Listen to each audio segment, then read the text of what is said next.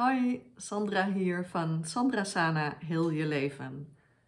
Dit is een video over uh, hyperventilatie bij stress of burn-out. Als jij in een burn-out zit, dan kan het heel goed zijn dat je moeite hebt met je ademhaling.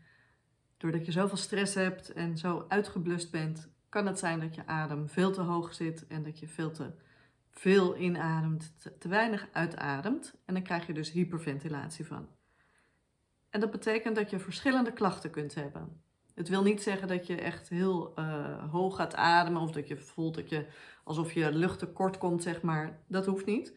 Het kan ook zijn dat jij alleen maar uh, bijvoorbeeld tintelingen voelt in je, in je vingers of tintelingen in je gezicht.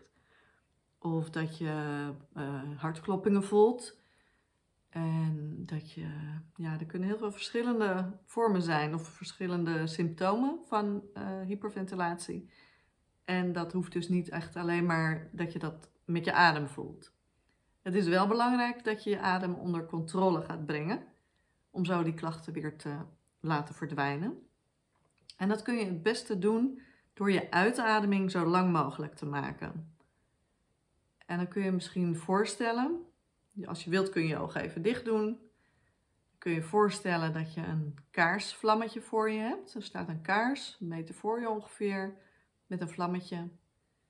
Dan adem je in door je neus en dan blaas je zachtjes uit door je mond tegen dat vlammetje. Maar je zorgt dat het vlammetje niet uitgaat.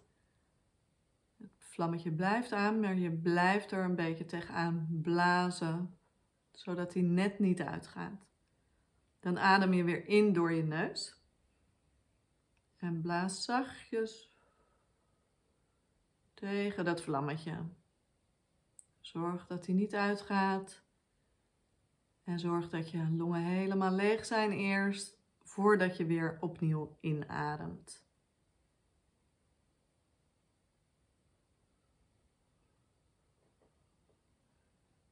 Doe het op je eigen tempo.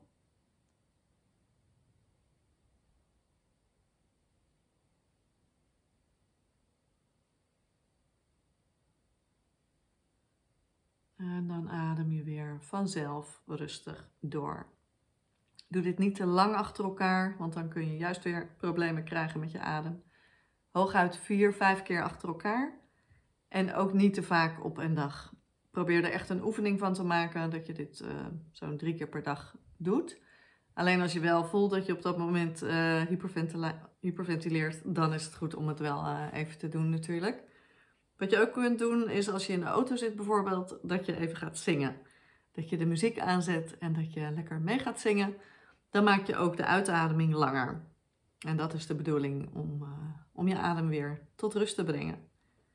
Het kan heel vervelend voelen. Je kunt ook echt uh, angst uh, voelen als je hyperventileert. Omdat het echt een heel vervelend gevoel is. Je kunt het gevoel hebben dat je een hartinfarct of een hartaanval krijgt. Of dat er iets heel ernstigs aan de hand is.